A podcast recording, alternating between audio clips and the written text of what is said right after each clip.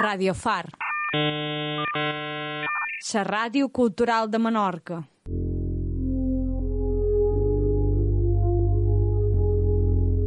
Residents.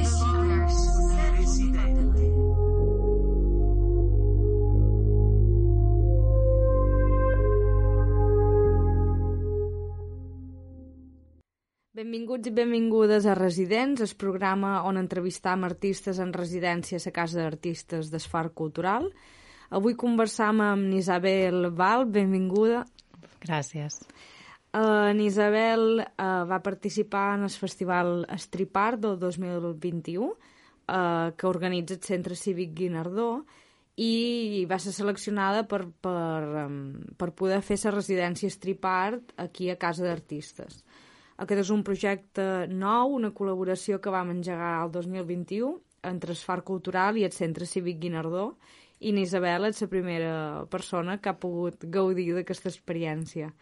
Uh, què tal, Isabel? T'esperaves uh, aquesta residència quan vas participar a Stripar? No, no, no. Va ser, va ser una sorpresa perquè vaig participar, doncs, bueno, perquè tenia ganes d'ensenyar el meu treball a Barcelona i, i ni tan sols sabia que hi havia aquesta opció, no? Llavors va ser superbonic de rebre un dia un mail dient-me que em donàveu aquesta residència, no?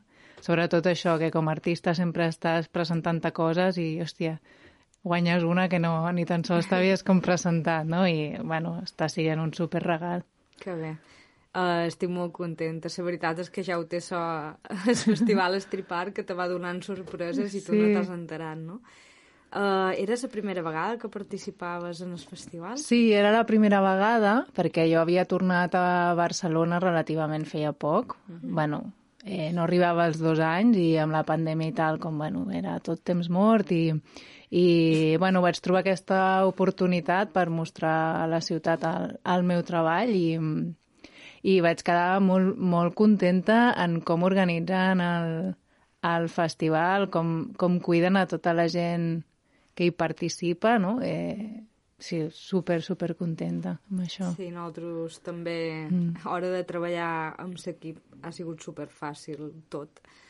I, i bueno, un guany repetim, repetim edició, que crec que dia 15 de març es va tancar la convocatòria pel 2022 i, si no record malament, són les primeres setmanes de juliol que fan, mm -hmm. que fan el festival aquest, on el Centre Cívic Guinardó um, es transforma en un, en un museu, en un espai d'exposicions on, hi posa, on hi passen també altres activitats, des de tallers, concerts, obres de teatre, festa, a veure si aquest any uh, es pot fer la festa d'inauguració, que és, bueno, que és un de, de, dels moments més esperats per tots els artistes que participen.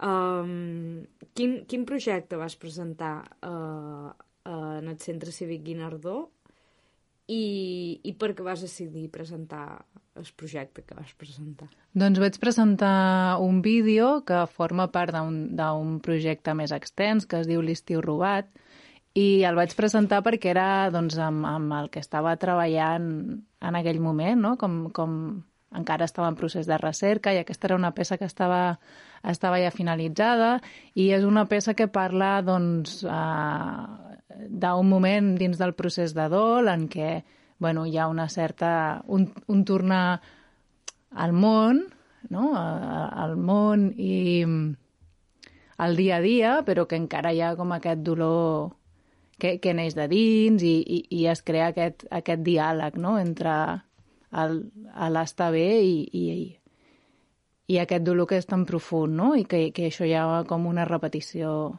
mm -hmm. constant. Um, Me venen ara dues preguntes. Uh, la primera és, clar, just uh, vas presentar uh, l'estiu robat a uh, l'estiu de 2021, després de passar, bueno, d'estar en en crisi sanitària no, per Covid, mm. on el tema de, de la mort i el dol estava a s'ordre des dia. bueno, està a s'ordre des dia sempre, no? Mm -hmm. Però diguem que, bueno, tothom ho sap, no fa falta entrar en detalls. Um, la primera pregunta és si té un, una relació directa amb, amb tota aquesta crisi sanitària o, o no? Que mos expliquis un, un poquet, si vols, eh? Sí, eh, en realitat eh, sí, no, perquè ha sigut eh, com part d'un procés d'investigació molt llarg que el vaig començar a, des, bueno, en acabar-se una relació sentimental mm -hmm. i, i de que fos una, una, una ruptura molt, molt bèstia i de, de, de, de buscar aquestes maneres d'expressar-ho de, i, i també aquesta curiositat no? d'entendre aquest, aquest procés de la pèrdua des d'un de, des altre punt.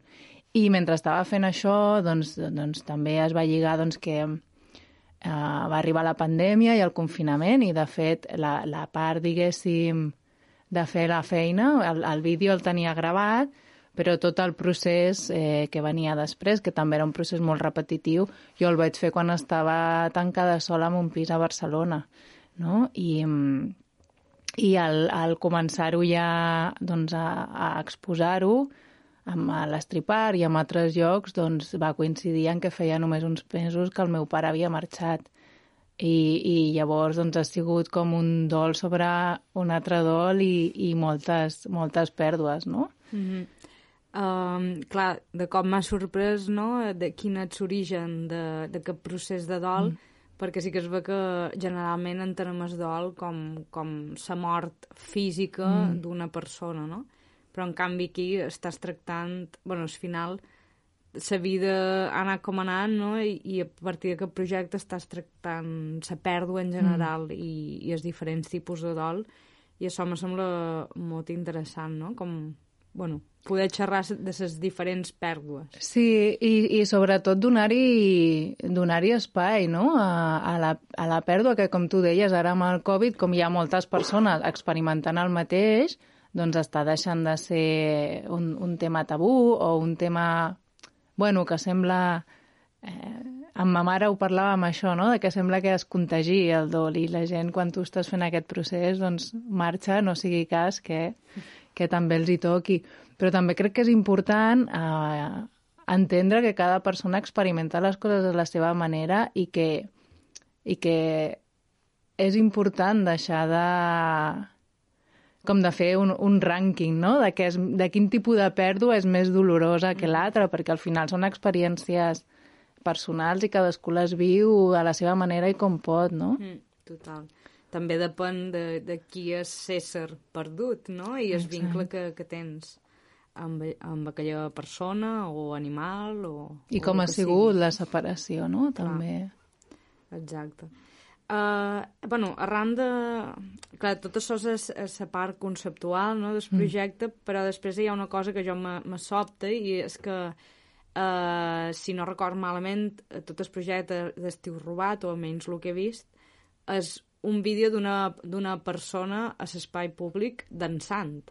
Mm -hmm. uh, per què aquesta decisió? És a dir, perquè realment la lectura de la pèrdua i del dol no és una lectura directa, mm -hmm. sinó que, bueno, m'agradaria saber per què la decisió d'utilitzar una ballarina, uh, per què l'espai públic i per què aquesta combinació d'audiovisual amb, amb plàstica.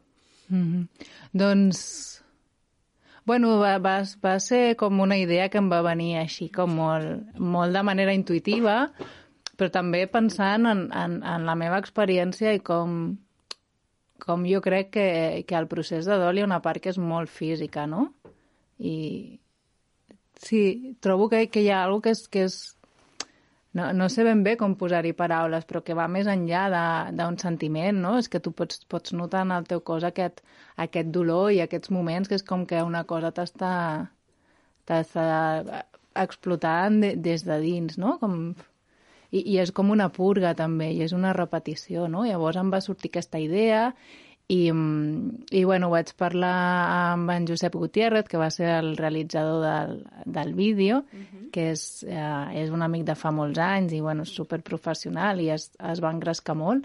I després vam, vam parlar eh, per fer... Bueno, no? jo estava pensant quin tipus de persona podria fer... No? Jo tenia aquesta idea de, de, de plasmar aquest, aquest eh, rebentar des de dins i, i pensava, bueno, no sé si una ballarina, una actriu, i, i ens va venir al cap l'Anna Hierro, que és que jo crec que és una crac, i, i jo no la coneixia amb ella, o sigui, va ser, doncs, bueno, escriure-li un mail, no?, i tantejar, i, i també es va apuntar de seguida, i, bueno, jo vaig flipar molt treballant amb ella, perquè o sigui, jo li vaig donar les meves idees i, i és que ho va pillar de seguida, no?, I, i ho va pillar jo crec que per una banda perquè és molt professional i també perquè bueno, qualsevol persona que hagi viscut una pèrdua doncs sap de què va, no? I, i, i va ser per mi també un moment important de veure que això ja no era la meva experiència, no? que, que al final és una cosa molt, molt col·lectiva. Mm -hmm.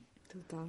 Sí, que al final aquests temes és el que té, no? que qualsevol hi pot empatitzar ràpidament, mm. perquè és una cosa molt, bueno, molt de les persones. Sí. um, on podem veure aquest projecte? Es pot veure alguna banda? Mm, no, ja tinc algun tros penjat a internet, però no tinc la peça, peça sencera. Ho vaig, doncs, bueno, on, on puc ho vaig exposant, mm. on em deixen i... Però més, més que per algú que sigui només pensat a galeria, és, és també la manera en què vull que la gent ho, ho vegi, no? I mm -hmm. crec que potser si tu veus a YouTube amb el teu mòbil, doncs... No, per, no... Per-se, Exacte. Per gràcia, sí. total. Però, bueno, per, perquè mos escolti, si tenen curiositat, que, que puguin sí. fer un tastet. A la meva web o, o vale. es pot trobar, sí. Perfecte. I, bueno, ara ja me'n vaig a una pregunta més... Perdó. més genèrica. Uh, com definiries la teva pràctica artística? Hmm. A nivell formal o conceptual? Tot. Vale. Doncs, bueno, per mi és més important la part conceptual, perquè crec que és el que lliga més tota, tota la meva obra o tots els projectes que he fet fins al moment, no? Perquè sí que, bueno, la meva formació és en fotografia i en audiovisuals, però com de manera molt, molt orgànica m'he anat obrint, doncs, això també, el dibuix o coses noves que estic fent aquí mm-hmm. durant la residència també, però sí que hi ha per mi un lligam conceptual que, que és molt bonic perquè també s'ha donat d'aquesta manera molt orgànica, que és, és um, investigar sempre la relació entre el passat i el present, no? Eh, per mi és una cosa que, que, que em fascina molt, no? aquestes connexions i aquesta conversa que hi ha. I, i crec que a mida que, bueno, a mi m'han anat passant coses a la meva vida personal i he anat creixent, doncs potser en els meus primers projectes tenia com una, una visió més, molt més cap en fora, no?, i de tractar, doncs, més um, pues, temes de memòria col·lectiva o, o de mobiliari urbà, i tot això com és el mateix tema però s'ha anat transformant a coses més personals, no? Fins, fins que de tan personals tornen a ser molt col·lectives, no? I, i, i bueno, en aquest sentit és un moment per mi molt bonic dins de la meva pràctica, no? I d'ajuntar això també, doncs, a nivell formal amb una experimentació i, i el canviar tant de, de, de mitjà doncs sempre hi ha aquesta part de, de que encara que siguin temes pues, poder molt profuns, per mi doncs hi ha aquesta part de joc perquè sempre estic aprenent alguna cosa o, o experimentant o no? com, com si sempre fos una mica doncs ja estigués començant de zero, no? amb lo bo i amb lo dolent d'això. O sigui que això també, aquesta part d'experimentació i de joc, forma part del procés teu creatiu, no? Sí. O parteixes d'una idea i, i a partir de l'experimentació i el joc ja vas formalitzant. Mm. Molt bé. Uh, has comentat uh, bueno, que a nivell conceptual és xerrar del passat i el present, i després has dit mobiliari urbà. Mm. Com, com lliga el del mobiliari urbà amb, aquest, amb aquesta línia conceptual? Doncs, uh, per exemple, quan, quan vaig estar bastants anys vivint a Budapest, i um, potser també perquè jo tenia una visió de externa, no? no, mm. sé, no sé la meva cultura, i allà era molt obvi, no?, com quin paper jugava doncs, tot el mobiliari urbà, tots els, els neons de l'època socialista que estaven allà encara penjats, o, o les estacions de, de, de metro, no? que també tenien un, un rotllo que, que per mi pues, m'agradava aquesta estètica així més, més retro, mm -hmm. però que, que per la gent d'allà pues, tenia, tenia una densitat a l'estar envoltats encara de tot això, no? Mm. I, i són coses de, del dia a dia, però que tenen, tenen molta, molta càrrega social, no són només els... Eh, sí, no, no? no és només mobiliari. Exacte. Uh, aquest, aquesta línia d'investigació uh, l'has continuat desenvolupant en altres llocs? Perquè és evident que tota arquitectura o mobiliari urbà està xerrant de la història mm. d'un lloc i també del present. Mm, ara mateix no, però sí que estic oberta que pugui passar, no? I la reflexió que faig és també com de vegades és més fàcil veure aquestes coses quan no estàs a la teva pròpia mm. cultura o la teva pròpia societat, no? Que potser a Barcelona no m'és tan fàcil de detectar certes coses, no? Perquè hi ha aquest bueno, està acostumada i és el que ha sigut sempre, no? I, i s'ha de fer un exercici totalment diferent d'això. Mm. I vas estar xerrant amb, amb habitants eh, de Budapest mm -hmm. sobre aquests temes? Sí, i, i era interessant perquè molta gent que era d'allà doncs em deia que fins que no havien començat a veure les meves fotos és que, bueno, això ho tenien tan integrat que, que ni tan sols ho, ni tan sols ho veien, no? Perquè eh, era el seu dia a dia i havia estat sempre en allà i, i de fet mentre jo estava fent algun d'aquests projectes fotogràfics doncs feia un sobre una línia de metro i ho van renovar Molt, moltes de les senyals de neo també les anaven traient mentre jo feia les fotos, llavors també tenia com aquest eh, component també d'arxiu, no?, al mm. final el projecte i, i va ser bonic perquè mentre jo feia això una, una noia que és dissenyadora gràfica, que és d'allà, em va contactar i vam fer un, un projecte... O sigui, ella estava super flipada amb aquest tema també i, i vam fer un mapa juntes i ella va començar també a fer com uh, dissenys propis basats en això i el que fa és que aquests pòsters que ella dissenya amb els diners que recull els fa servir com per salvar aquests senyals, no? Mm -hmm. O sigui que va, va tenir també com moltes capes aquest projecte i, Val. Bueno, has mig comentat que tens... Bueno, mig. Has comentat que tens formació en audiovisual i fotografia. Mm. Um, que no sé si tens algun altre tipus de formació, a part de, de so. Sí, un màster en direcció d'art en comunicació. Vale. I, bueno, la pregunta és com, com ha influenciat, és a dir, en la fotografia l'audiovisual, a vegades mm. més evident, però mm, com ha influenciat aquesta formació en la teua pràctica o amb, o amb la part, sobretot, bueno, no sé si és la part formal, conceptual d'aquests projectes que vas desenvolupant? Home, jo crec que va ser... Estudiar tot això, doncs, per mi va ser un, un inici de tot, que tampoc no ho vaig estudiar pensant vaig a ser artista, no? O sigui, això no era cap idea, no? Va sorgir tot de manera molt natural, però sí que quan estava estudiant foto doncs sí que va haver-hi aquest moment d'obrir-me a l'experimentació, no? perquè vaig pillar els anys que encara s'estudiava foto analògica i, i bueno, vaig, vaig poder començar a provar coses noves que se sortien una mica del que jo pensava en aquell moment, que era, que era la foto, no? Uh -huh. I amb audiovisuals, doncs, Realment el que m'ha portat, sobretot, més que en el meu procés, jo crec que també són tots els amics que vaig fer i amb els que ara puc col·laborar, puc col·laborar no? Perquè poder ells sí que s'han dedicat més a la part més uh -huh. professional i, i és, és guai també. Uh, el tema de la col·laboració és, un, és una cosa recurrent en els teus projectes o són col·laboracions puntuals? Doncs ara s'ha donat, s'està donant cada vegada més, mm, so, també de manera natural, bueno, de vegades que m'ho demanen, no? com aquesta, aquesta amiga, la Lutza, que, que et comentava, que vam fer aquest projecte dels neons juntes, i també de dir, bueno, pues jo tinc aquesta idea al cap i jo no ho sé fer tot, i, i si trobo gent que vulgui col·laborar, que els agradi la idea, doncs, doncs també el procés és més enriquidor i tots mm. Um, bueno, has comentat que no vas fer la formació pensant en que series artista. Llavors es tenia aquí una pregunta preparada per al final i te la faig ara. Què creus que ets artista? O què és per tu ser artista?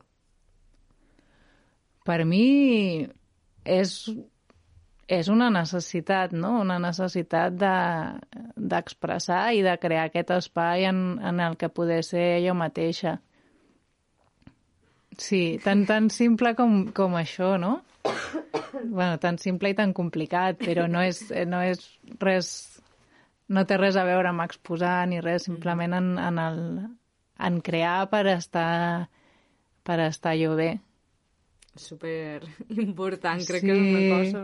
Bueno, i comunicar també, sí. no? Hi ha aquesta part també que, que, que és de, de comunicar i de, de crear vincles amb altres persones a través d'aquest compartir. Uh -huh.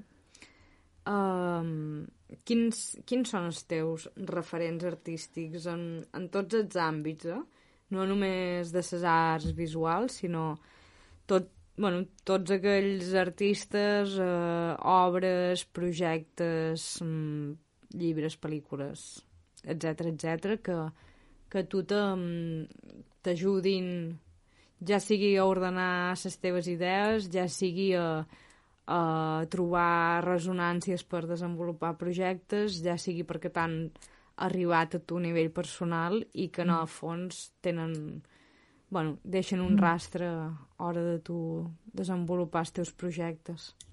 Jo crec que això és una cosa, almenys per mi, com molt canviant i això, no?, que és una cosa que va molt canviant i de que quan, quan tinc una idea i la intento pues, anar materialitzant i baixant a terra, doncs quines coses van passant pel camí o quins llibres apareixen, no? I ara, ara mateix, doncs, a nivell artístic, crec que m'interessa molt tot el tema que ara s'està reivindicant molt de, de l'art de les mèdiums, no? I, de, i també d'artistes d'aquí, com la Fina Miralles, i, i m'interessa poder més que la part estètica com els, els processos que van, que van seguint tot això, mm -hmm. no? I, i, i el crear d'aquesta manera més intuïtiva. Per mi és molt interessant, sobretot perquè en el meu procés hi ha una part que és molt molt de, de llegir, de pensar i que ho gaudeixo molt, llavors a partir d'aquí i, i tot el que està en un nivell molt mental, poder-ho baixar a una pràctica que després sigui molt més intuïtiva, doncs, doncs a mi m'inspira molt, no? Aconsegueixes aquest equilibri entre lo mental i lo intuïtiu? És complicat. I com? O sigui, és, és Sí, jo crec que és un procés, o, o lo, que és una cosa que l'estic aprenent, eh? no la tinc super desenvolupada, però que són processos que, que per mi s'han de donar una mica simultàniament.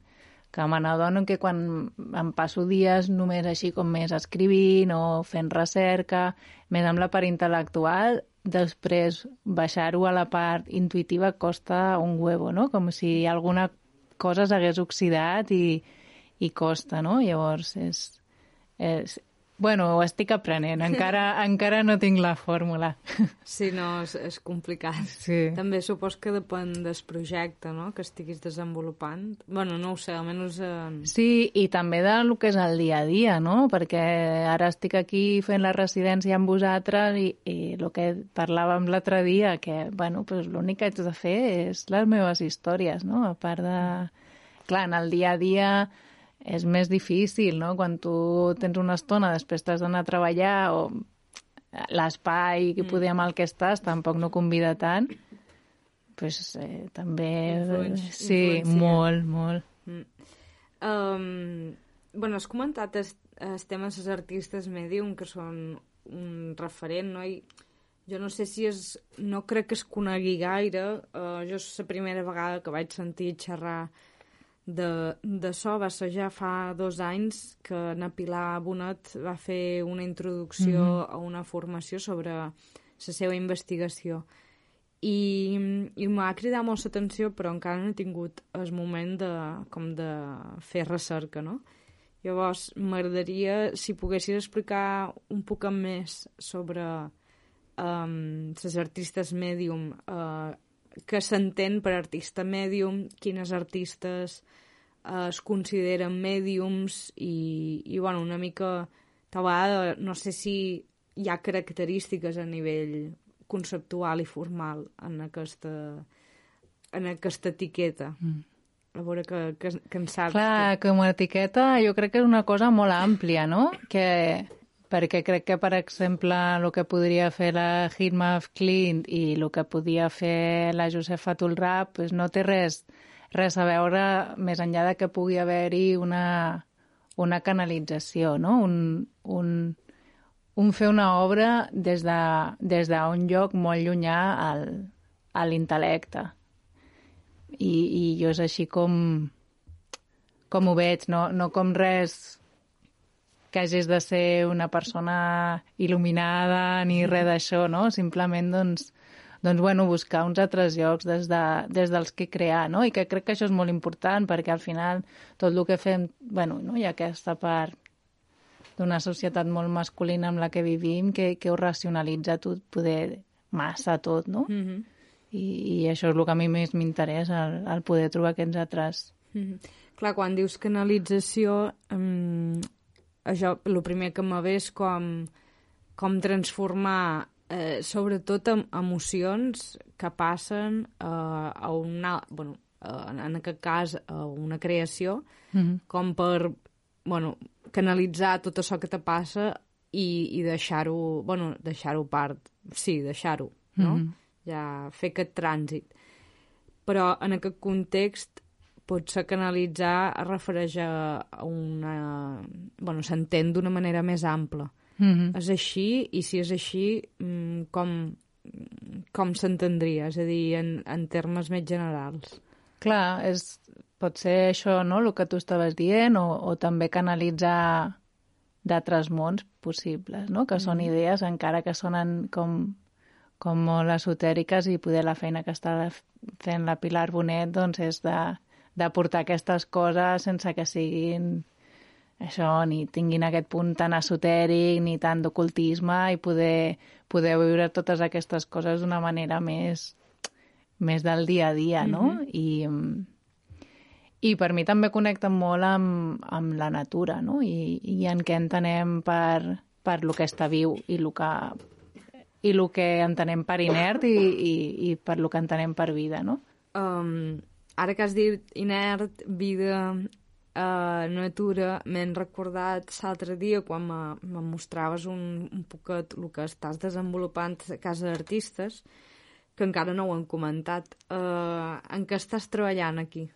Doncs aquí he vingut amb... Eh, bueno, al principi vaig arribar una mica preocupada perquè no havia arribat aquí amb... Amb els deures fets, no? sí, jo ho sentia una mica així, perquè havien passat coses en el dia a dia i no havia pogut. Llavors vaig arribar com amb, amb idees i amb moltes preguntes, no? Que, que sí, o sigui, el que, les preguntes que tenien parteixen una mica d'aquest projecte que hem parlat abans, de l'estiu robat, no? d'aquesta aquest ex, exploració del, del dol i de com per mi això va portar-me com un sentiment de, de desarrelament i, i de bueno, de preguntar-me moltes coses sobre el que és un vincle i, i de veure molta gent al meu voltant amb qui havia compartit, que, que a partir d'un dol començaven com un viatge iniciàtic a les seves arrels i que jo, pues, per motius personals, eh, no sento que el pugui fer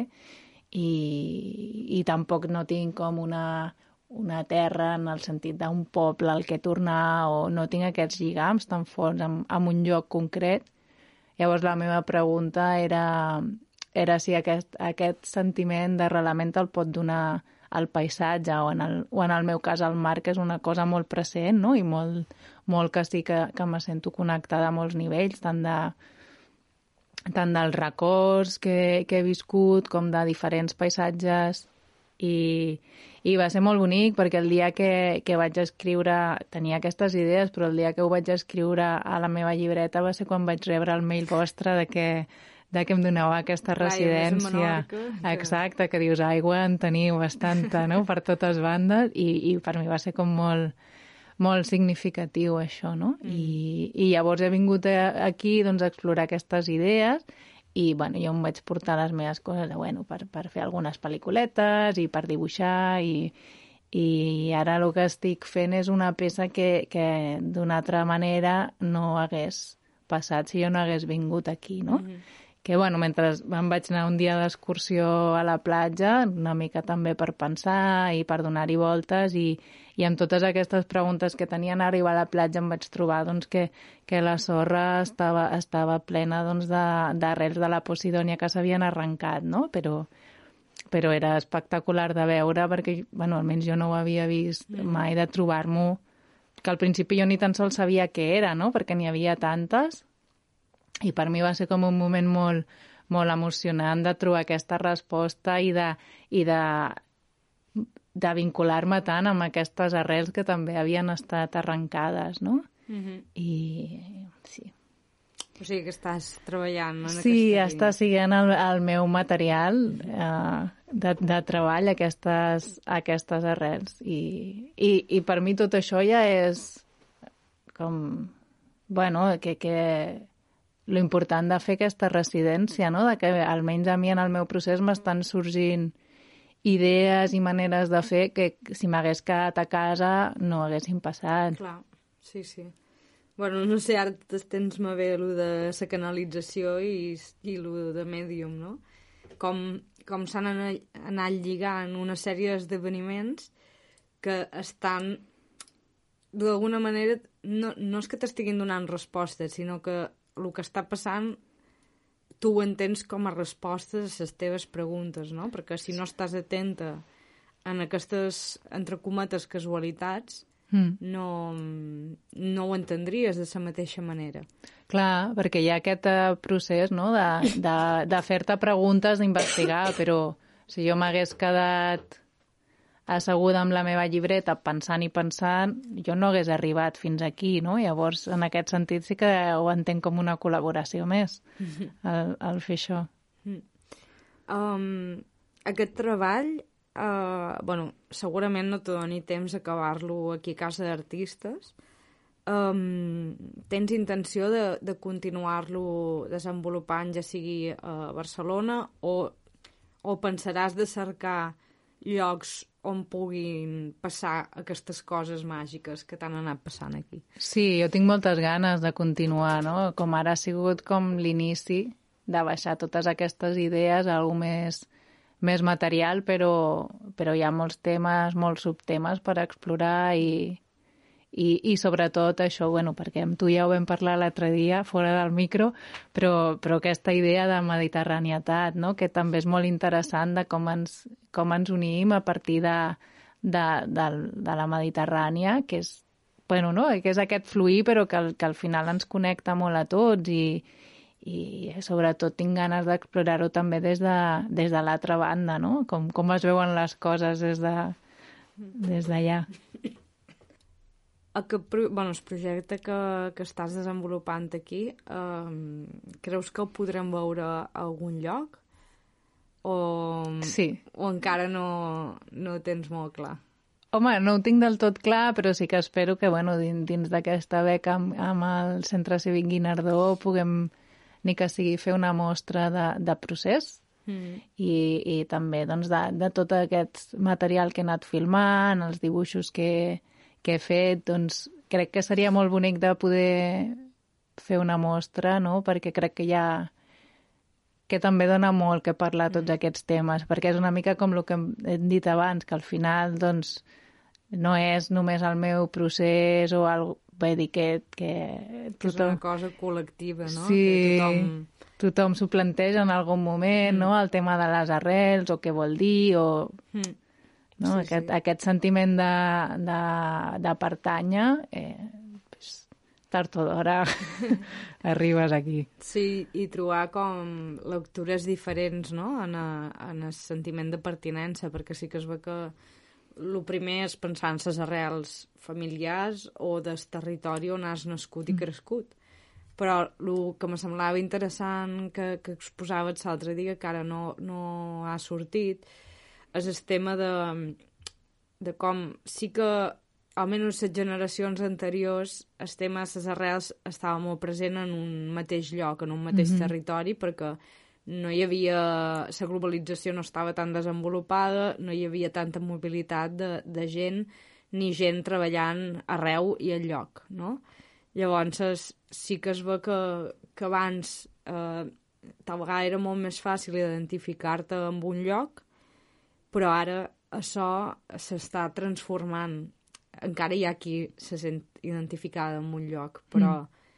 quanta gent està canviant de localització cada mes o cada mig any per anar a treballar a un lloc o un altre o per simplement estar viatjant i, i bueno, record que tu vas comentar això i mm, no sé si és el teu cas, és a dir, si en el teu cas tu te sents així perquè ets una persona, el que li diuen avui en dia nòmada, o ja per, per motius més de lo que t'ha anat venint.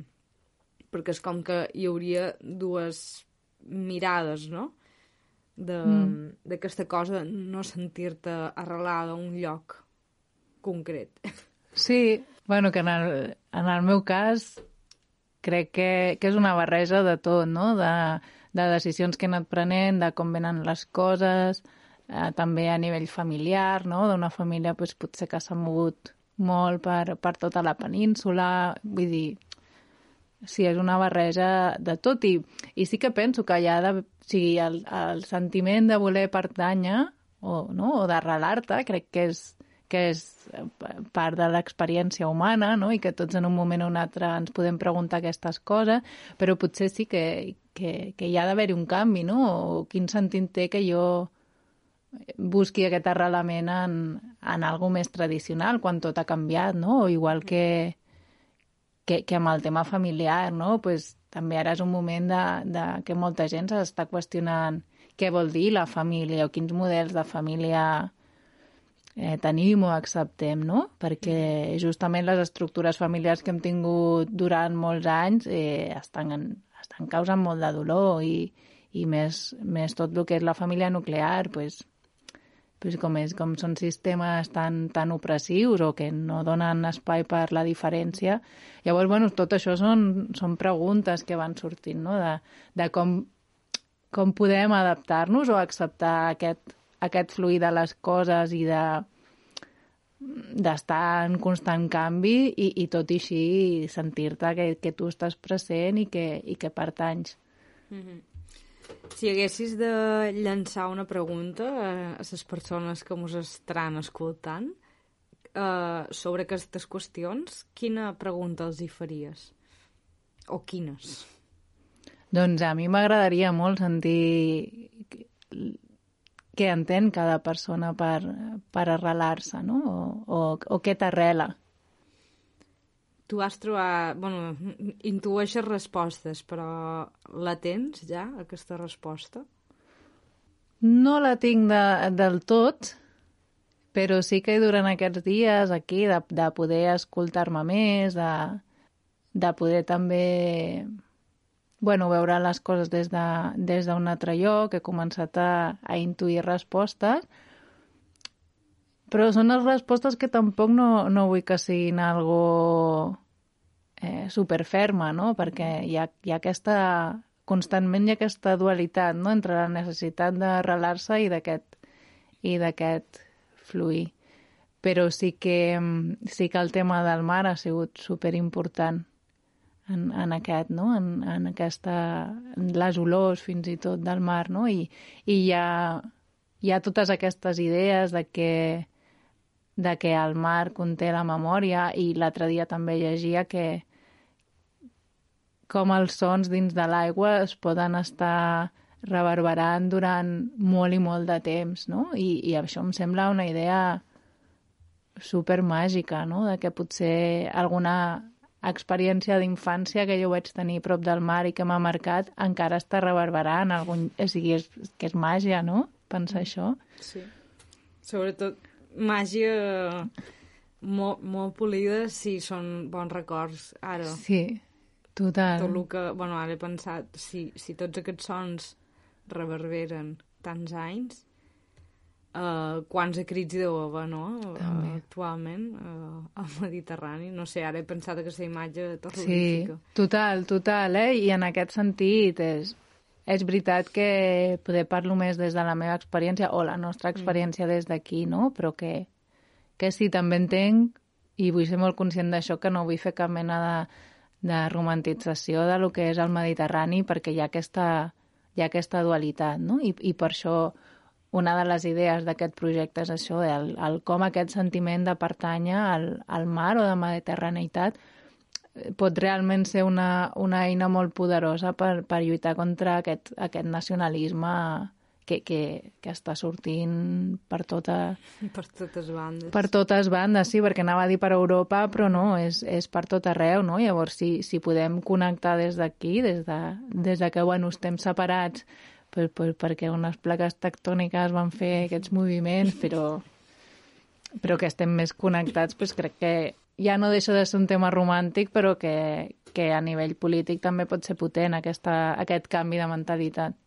No sé si te pot ajudar, però no fa gaire vaig veure una pel·lícula que arran d'aquesta conversa m'ha vingut en escap i també per qui mos escoti, si no l'heu vist. Uh, recoman molt uh, la pel·lícula del ventre al mar, que és una pel·lícula, no crec que és d'aquest any o del 21, no record, però que és molt interessant pel tema de... Bueno, no sé si té tant a veure amb les arrels, però sí sobre la presència mm. de la mà i el que significa la mà i per i en, per aquí, no?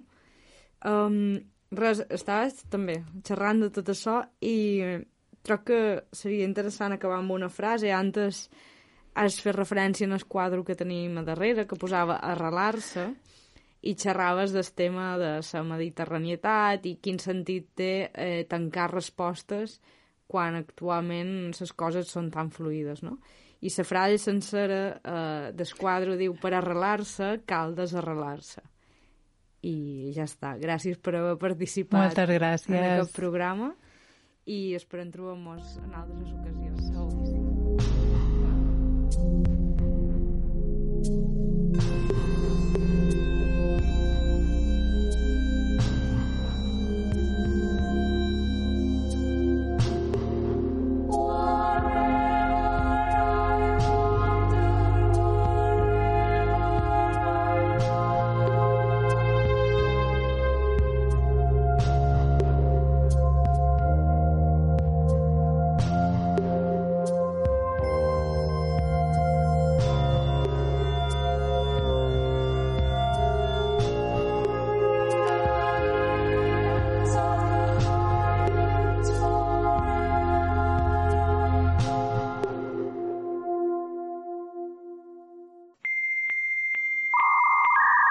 Radio Far. La ràdio cultural de Menorca.